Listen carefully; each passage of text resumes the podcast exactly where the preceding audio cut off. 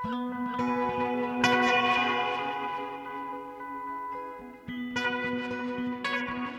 og sæl kæra lustendur, Melgárka Ólafsdóttir og Halla Harðardóttir heils ekkur úr hljóðstofu viðsjár miðvíkudaginn 30. november. Það verður nóa tónlist í þætti dagsins því við fáum pistil frá Jelenu Tsirits og setjum jazzafónin með fulltrúum jazzklúpsins Múlans. Jazzklúpurinn Múlin var stopnaður formlega árið 1997 og fagnar því 25 ára ammali í ár. Klúpurinn heitir í höfuð á helsta jazzgekkjara þjóðarinnar Jóni Múla Árnasinni sem jáframt var heiðusfélagi og verndari Múlans. Múlin hefur síðustu áratugi haldið utanum vikulega tónleika helstu jazzgekkjara landsins hér og þar um bæin. Tónleikarnir fóru uppálega fram á Jónfrúnni en í dag eru Björtuloft í hörpu heimili Múlans. Tónleikadagskrá Múlans er bæði metnaðafull og fjölbreytt og er gott dæmi um þá miklu grósku sem ennkennir Íslenskt jazzlíf þar sem að allir ströymar og stefnur eiga heima. Margir hafa komið að skipulegningu á dagskrá Múlans en saxofónleikarin Ólafur Jónsson er eitt þeirra sem hefur verið þar í stafni frá upphafi. Hann verður gestur okkar í dag á samt trómuleikarnum Erik Kvik. En við hefjum þáttin á umfjöllunum aðeins annars konar tónlist Jelena tekur nú við. This is a song about an assassin.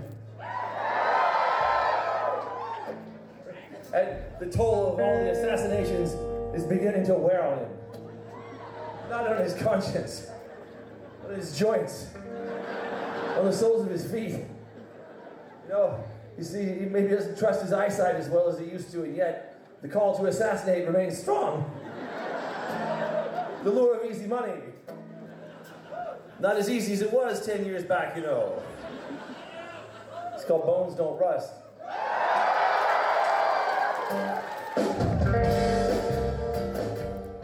Þetta var John Darnielle, söngvari og lagahöfundur hljómsveitarinnar The Mountain Goats.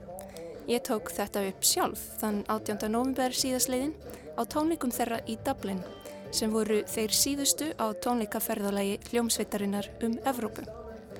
Þetta var ekki fyrsta skiptið sem ég sá hljómsveitina spila á tónleikum. Ég sá hana einnig fyrir tíu árum, 20. oktober 2012 í Toronto.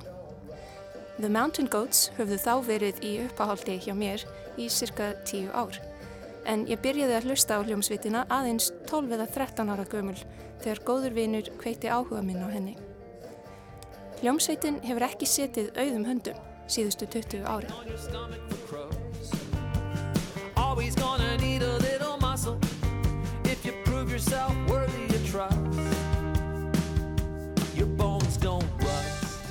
Lægið Bones Don't Rust er af nýjustu plötu The Mountain Goats sem kom út í águst á þessu ári og heitir Bleed Out.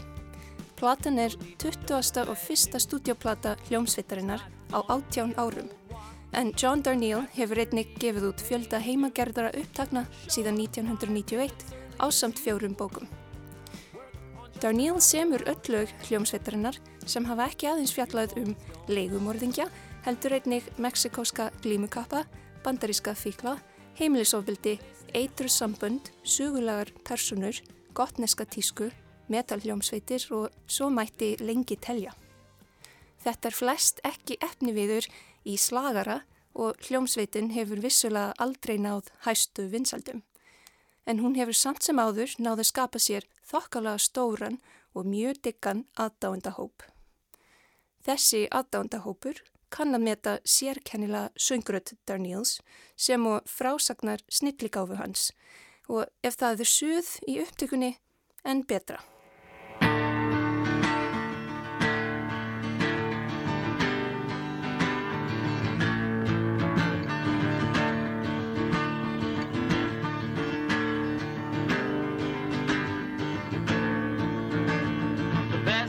death metal band out of Denton couple of guys who'd been friends since grade school. One was named Cyrus, the other was Jeff, and they practiced twice a week in Jeff's bedroom. The best ever death metal band out of Denton never settled on a name, but the top three contenders after weeks of debate were Satan's fingers and the killers and the hospital bombers. John Darnielle átti ekki greiða leið inn í tónlist en fyrstu ár hans voru afar viðburðarík. Hann vætist í Bloomington, Indiana en ólst upp í Kaliforníu á samt móður sinni og ofbeldisföllum stjúpföður. Hann samti um þessa reynslu síðar á plötunni The Sunset Tree sem kom út árið 2005. Unglingsárin reyndust Darniel erfið en hann varð háður metamfetamíni. Þegar hann sigraði fíknina vann hann um nokkurt skeið á geðdeild á spítala á næturvaktinni og stundaði háskólanám. Á háskóla árum hans millir 1991 og 1995 gaf hann út sínar fyrstu hljómblötur undir nafninu The Mountain Goats frekar lágæða eða lo-fi upptökur. Á þessum tímapunkti var The Mountain Goats soloverkefni Darniels og fleirtölu heitið bara grín, en fleiri áttu eftir að bætast við hljómsveitina á næsta árum. Fyrsta stúdíoplata Darniels kemur út árið 1994 og heitir Sobilote Machine. Upptökurnar viðhalda þó hinnum hráatóni sem einkendi fyrriverk The Mountain Goats. most remarkable thing about coming home to you is the feeling of being in motion again.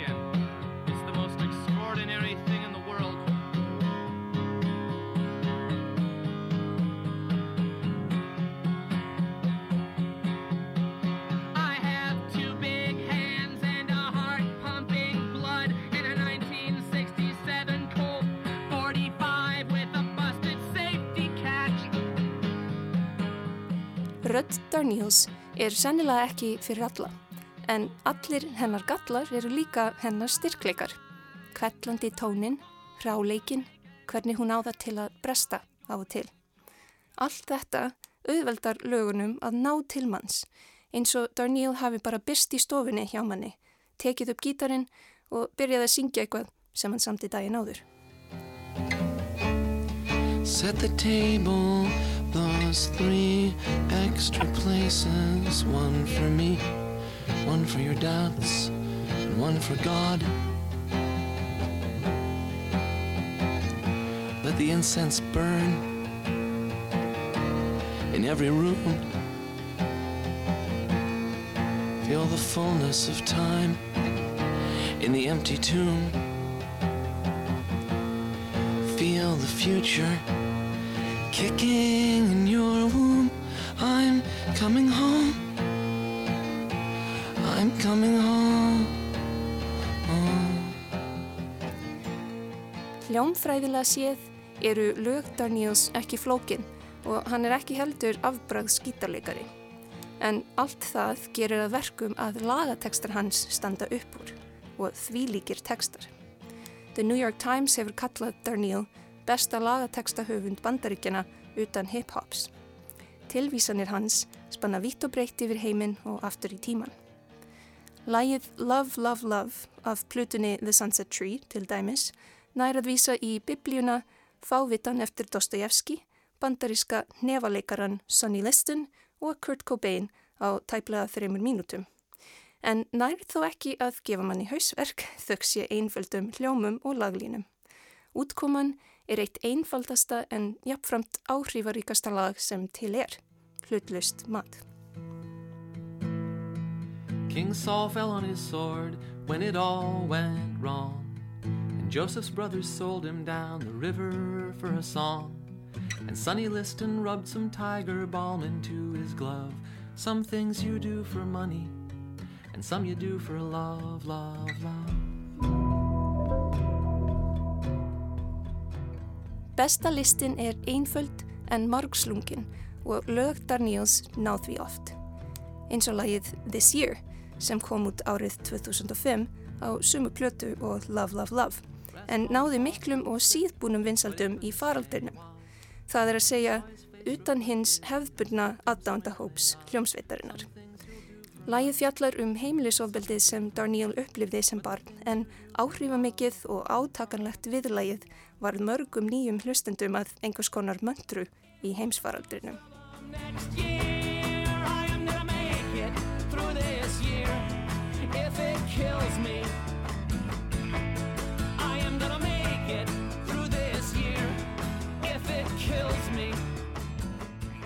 Darníl er meistari þegar kemur að því að lýsa myrkari hliðum ástarsambata eins og til dæmis í læginu No Children frá plutunni Tallahassee sem kom út árið 2003. Það lag náði einnig síðbúnum vinsaldum þöggs ég einum notanda TikTok sem byrti myndband af sér að taka nokkur dramatísk dansspor við hápunkt lagsins. Lægið lýsir hjónum sem hata hvort annað en á sama tíma fær einhvers konar fullnængu út úr því hversu skelvilegt samband þeirra er. I hope it stays dark forever I hope the worst isn't over get sober And I hope when you think of me years down the line You can't find one good thing to say And I'd hope that if I found the strength to walk out You'd stay the hell out of my way I am drowning There is no sign of land. You are coming down with me. Hand in unlovable hand, and I hope you die. I hope we both die. The Mountain Goats fluttu lagið No Children í lok begja þeirra tónleika sem ég farið á. Í bæðiskiptin tók allur salurinn undir. Eins einkennilegt og það kann að hljóma, þá saminniði þar okkur svo sannlega að syngja I hope you die, I hope we both die. Ég vona að þú deyir, ég vona að við deyjum bæði, saman í kór. En til hvers er tónlist ef ekki til þess að veita okkur útrás fyrir það besta og versta sem í okkur býr? Þegar allt kemur til alls, þá er það sem er mest heitlandi við John Darnielle hversu heiðarlegur hann er í tónlistinni. Jafnvel í þeim lögum sem eru hreitn uppspunni, kannski enn meira þá.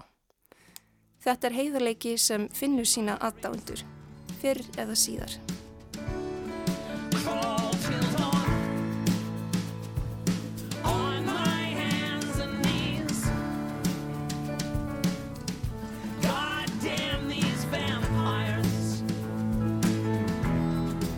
What they've done to me.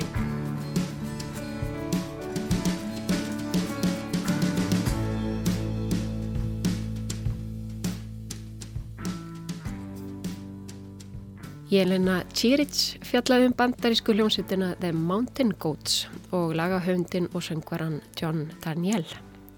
En þá er komið að svipmynd dagsins sem að þessu sinni er tilenguð heilum jazzklubb.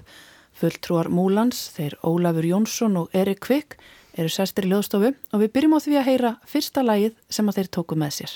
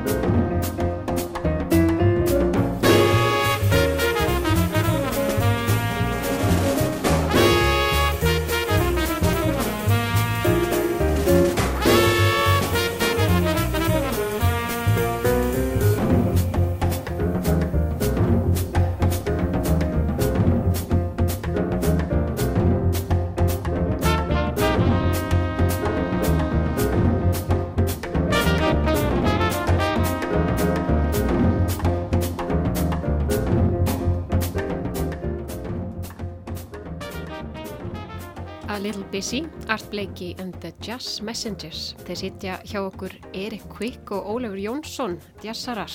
Erik, um, jazz sendi búðarnir. Akkurat.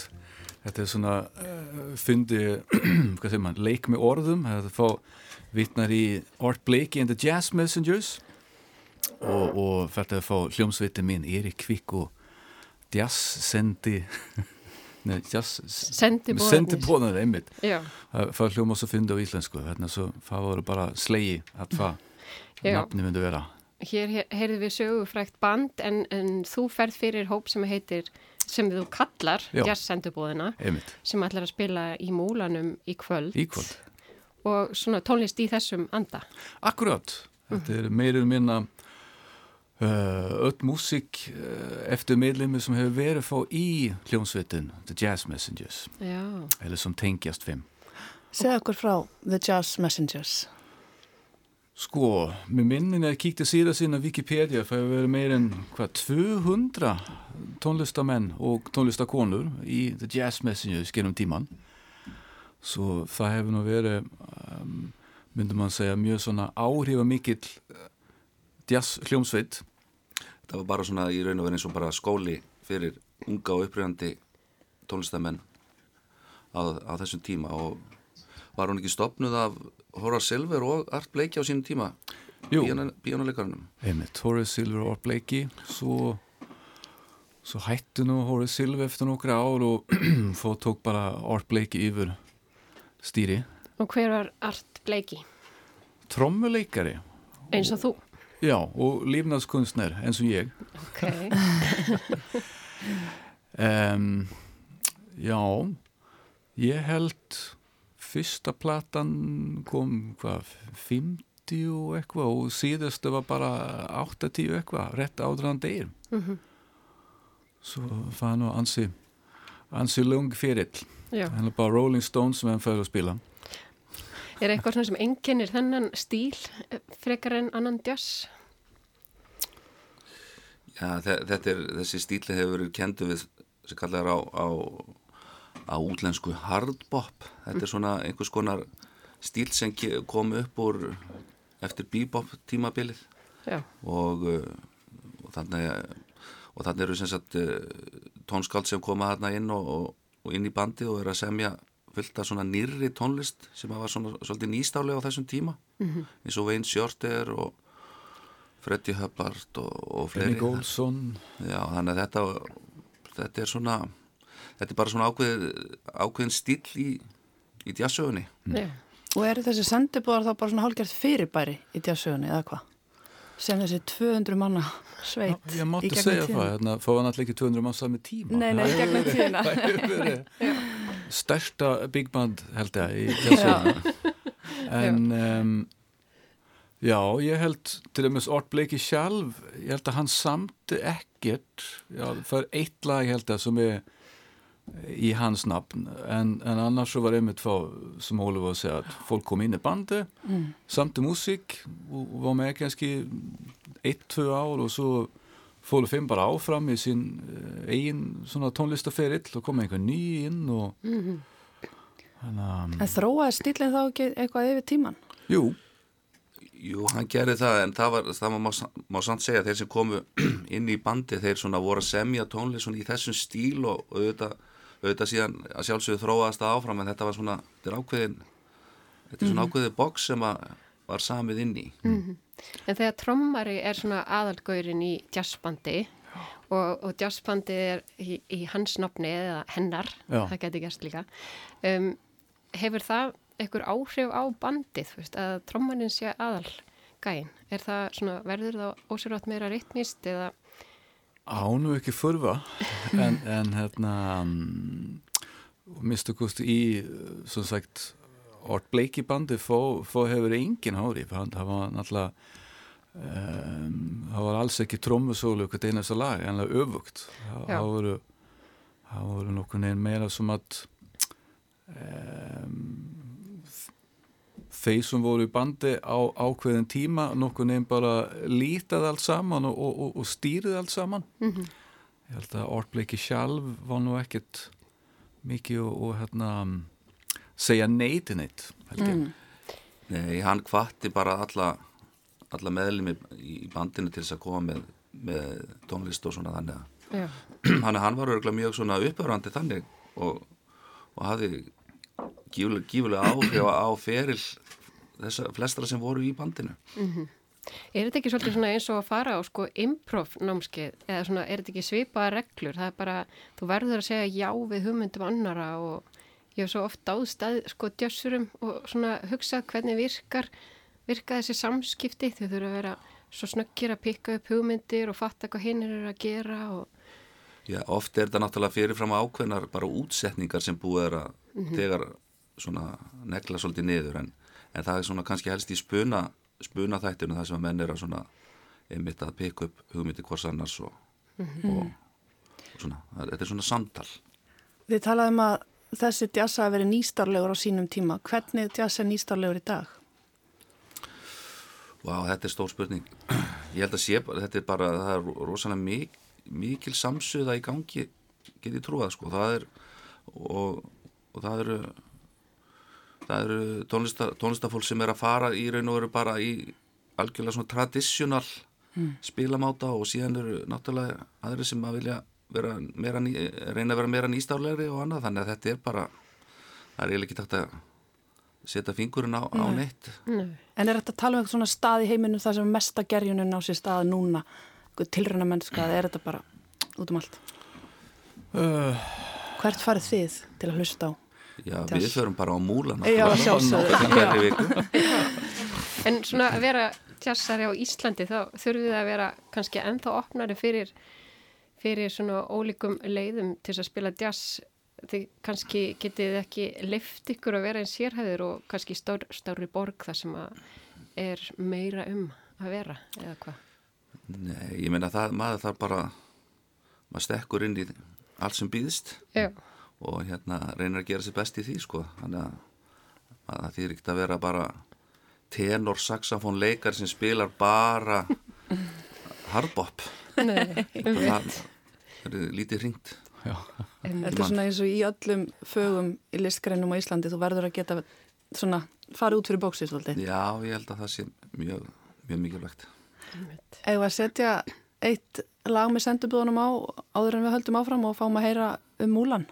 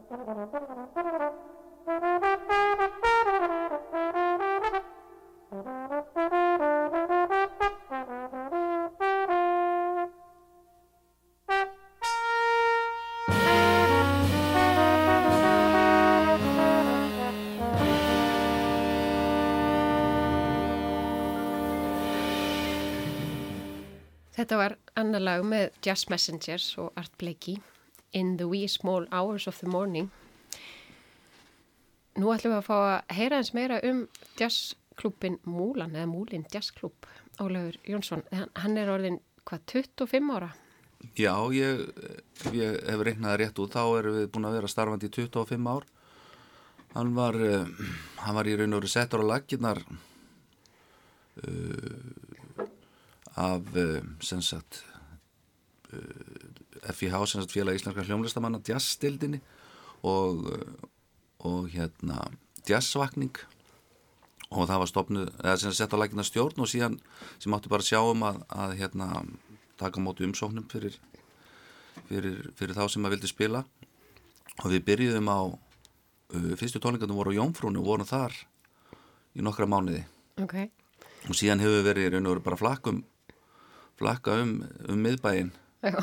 búin að vera á, við höfum verið á Hotel Borg við höfum verið á Sólan Íslandus þjóðlíkuskjallaranum Dóm og Kaffi Reykjavík vorum við einu sinni og uh, núna síðustu 6-7 árun hefur við verið í hörpu Já. Og er Múlin eini starfandi jazzklubin á Íslandi? Já, það má eiginlega segja það það er, það er svo, svo sem kannski eina sem að er eini klúburinn sem, sem er skipulagt skipulagt dagskrá alveg frá upphafa til enda. Það er að segja að við skiptum henni upp í í svona seasons. Uh, við erum með höstdagskrá, vordagskrá og sumadagskrá En Múlin er, eh, það er, sem sagt, hann heitir í höfðun á Jóni Múla. Já, Var Jón Múli mikilvægur og er hann mikilvægur fyrir jazzara? já, hann var náttúrulega hann var ákveðin jazz sendibóði segja það. Hérna í útvarpinu og þú veist og mikil jazz á maður og hann kendi jazzsögu, hann, ég var til þess í jazzsögu tími hjá honum mm -hmm. gamla daga. Hann sandi og hann gáði þessa bók jazz sem að margir lásu örgulega fyrsta jazzbókin á íslensku. Jazzsögulegs bók og um, já, hann, og síðan náttúrulega samtan allir þessi lög og þú veist þannig að já, hann hefur gífulega mikil áhrif Og er mikið utanumhald að, að halda úti svona jazzklubi? Já, þetta er svona, já, þetta er, þú veist, þetta er aðalega þegar að vera skipulegja hverja dagskrá fyrir sig, taka á móti umsóknum og, og síðan náttúrulega sækju styrki og borga tónlistafólkinu og allt það. Jú, jú, þetta er smá, smá stúsi í kringum þetta. Hvernig var senan árið 1997 þegar þið voru að byrja að stopna þetta? Hefur hún breyst eitthvað mikið? Já, hún hefur breyst kannski að því leitinu til að, að það var, það var nóg að bara setja inn fréttatilgingu í, í, í mokkan og þá bara var, voru nánast stappa út af dyrum. Sama hvað maður saði er þið gert þannig að það, jú, það hefur breyst svolítið, þú veist, þetta er og, og líka það hefur komið e, svona síðustu árum þá hefur verið svo mikið af, af stöðum sem hafa verið með tónleika það sem er frýtt er inn og það er svona hefur svolítið breytt landslæginu En það er kannski uh, á þeim stöðum þar sem er frítir inn, þar er fólk kannski frekar situr og drekkur og talar og, og það, fólk er kannski ekki endilega að hlusta á jazzina, hann er svona meir í bakgrunni en á múlanum þá ertu beilinnis að koma til þess að hlusta. Já, það eru já, það, við erum með sem sagt, tónleika þar það er, Þannig að senan sjálf í borgin hefur breyst, það eru þetta meira frambóð í dag af alls konar menningarefni heldur en kannski fyrir 25 árum, er það já, ekki? alveg klárlega, Já. klárlega En ef við tölum svona um músíkina sjálfa, hefur, hefur dagskráin eitthvað breyst og þróast? eh, Þú veist, hvernig hefur tónlistin breyst á þessum 25 árum? þetta er, þetta er, það er kannski erfitt að segja, þetta er bara fyrir eftir þú veist, þetta er náttúrulega bara breytilegt eftir hverju sækja um og hva, hvaða projekt þeir setja saman og svona, þannig að þetta er þetta er í raun og veru bara ferskurur af íslensku jazzlífi myndi ég segja Einmitt.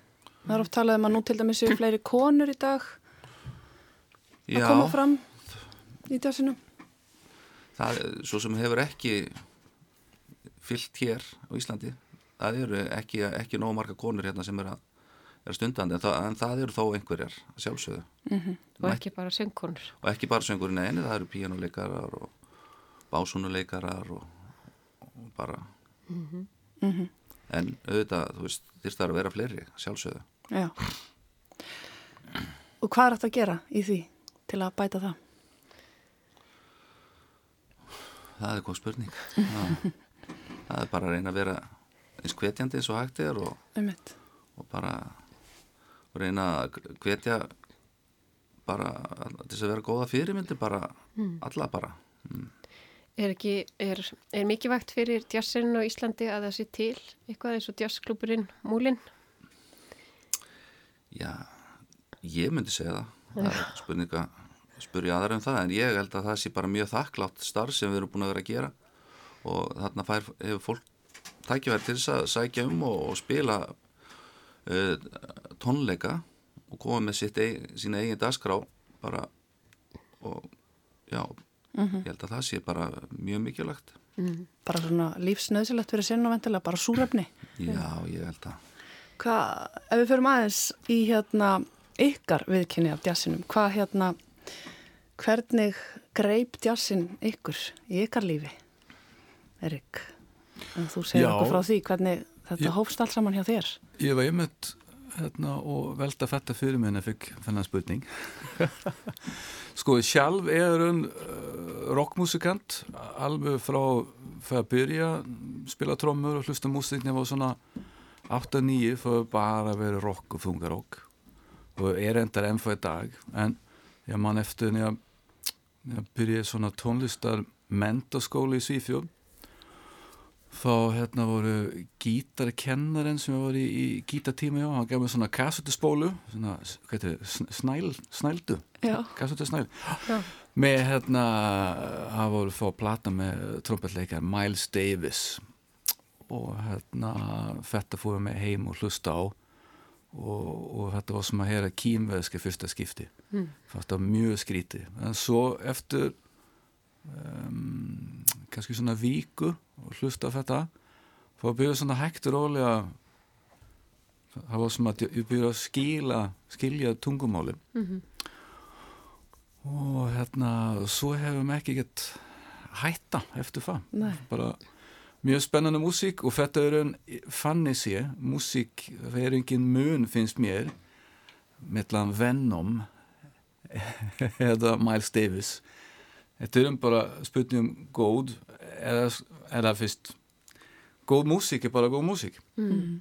og þetta hefur um sama elementur um som öll góð músík. Þetta er bara ákveðið sem maður myndi sletta á íslensku svona grúf og laglína og spuna. En um, já mér finnst pensólega að hérna, Áns Louis Armstrong svo væri engin punk Já Byrjaði það þar? Já, ég menna, uh, þú get ekki verið meir augrandi en Louis Armstrong. Mm. Ég menna, fyrsta, fyrsta svona unglinga uppreist músikin mot foreldra veldi. Já. Mm -hmm. Þannig að Louis Armstrong var uppásmaður pungsins. Já, maður getur mista góðs að se lína gegnum tíman. Áns Louis Armstrong, engin Louis Jordan og áns Louis Jordan, engin Chuck Berry og áns Chuck Berry, engin Beatlar og svo framvegs. Já, nákvæmlega. og, og hérna líka jazzmusikin kemur og svolítið mikilvæg tíma svona í uh, tónlistarlífu akkurat þegar hérna bæði útvarpu byrja að vera seldi bandaríkjum mm -hmm. og, og hérna var náttúrulega hvað maður segja, dansmusik síns tíma. Og, og líka fötinn mm -hmm. uh, un, unglinga hvað maður segja hérna um, unglinga menningin bara byrja að blómstra þarna greip svona tíðrandan já, já. já. Og, og hérna um, jazzmusik er náttúrulega dansmusik Já. Já, ekki spurning. Var Miles Davis líka þinn ingangur í jazzin? Eða? Já, það má kannski segja það. Ég byrjaði nú bara frekar ungur að læra á á hljóðfæri og var bara í svona þessu hefðbunda klassiska námi og, en uh, á heimilinu var var fæði minn mikill og er mikill jassa á maður og var að var að kaupa plötur og svona þannig þannig að ég fór að kynnast þeirri tónlist í gegnum hann í raun og veru og uh, fyrst fannst mér nú ekkert mikið til þess komið og, og fussa og sveiaði bara þegar hann var að setja þetta á fónin og, en síðan sko þegar uh, fór, fór tíminn að liða þá fór maður svona aðeins að, að stelast í plötunar því maður var svona nánast inn í skápnu með þetta, maður var ekki alveg búin að viðkjanna að maður, væri, maður hefði áhuga á þessari tónlist þannig að og þar var ímis tónlist og þar var einmitt mikið að mælst eifisplötum og Weather Report og alls konar tónlist þess tíma í raun og veru sem var kannski meira svona þetta jazz fusion sem var svolítið var þarna í svona upp á 1970 og þá fór maður að, sagt, að, að skoða, skoða þessa sem að voru að spila þessum plötum og fór kannski að fara svona aftur og baki í sögunni. Eins og þeir sem voru, með, voru að spila í Weather Report þar var til þess Svein Shorter sem spilaði með með eh, Miles Davis og þar undan með Arp Leiki mm. og svona þannig að maður fór svona svolítið aftorbak mm. og þá þá hérna kynntist maður John Coltrane og, og þú veist og það var bara opnaðist heil heimur. Og síðan hefur maður ekki lið tilbaka. Ég held að síðasta popplatan sem að, maður hafi keift var með með þarna The Police. Einmitt Þannig að þið skiptuðu alveg yfir í þetta tungumál djassin. Er þetta tungumál sem við getum all skilið? Ég meina, þetta, þetta er blues. Uh -huh. Þú meinar þetta hefur tilfinningar sem við tengjum all við? Já, eins og blues og maður kallar það fyrir, fyrir tungumál, fyrst, menna það skil allir það og, og mm -hmm. hlustar á. Já. Þetta er náttúrulega líka þannig að maður, þú veist, ef þú veist, ef allir þekkja tildekki lag eða blúslag eða hvaða er þá, þá þarf, þarf, þarf ekki mikla tungumála kunnáttu til þess að eh, fólk geti spila saman mm -hmm. hvað sem er í heiminum Og þá að kannski kvöldinu, hvað ætlaði að bjóða upp á í múlanum í kvöld? Já, þar verður þessi títnefnda hljónsveit Eri Kvikk og Jazz Sendi bóðanir mm -hmm. koma fram Já Þetta er bara mjög skemmtilegt prógram, þetta er akkurat svona eh, blandi póka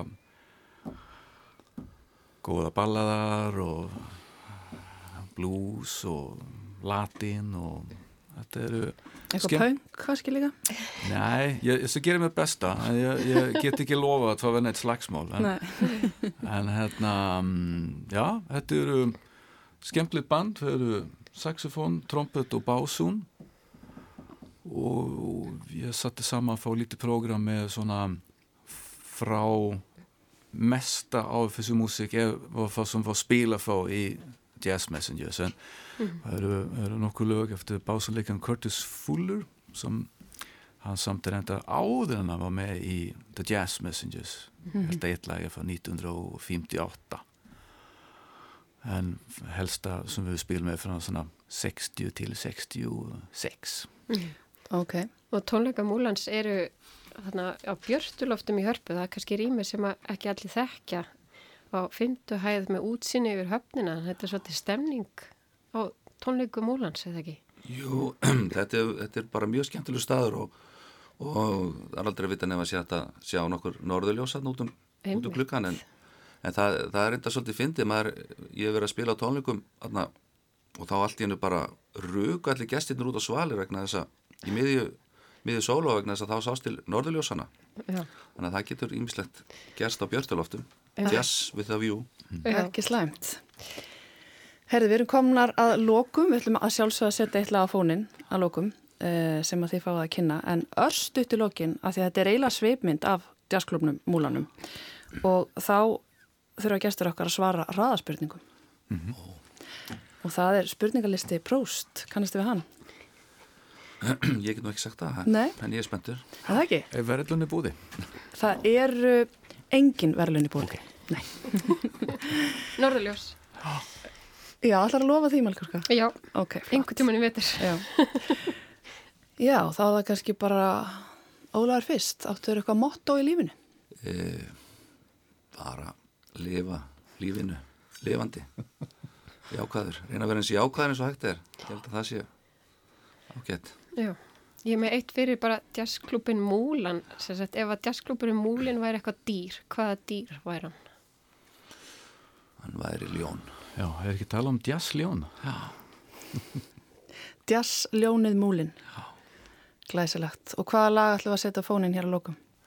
Já, þetta verður lagið This is for Albert eftir saxofónleikan Wayne Shorter.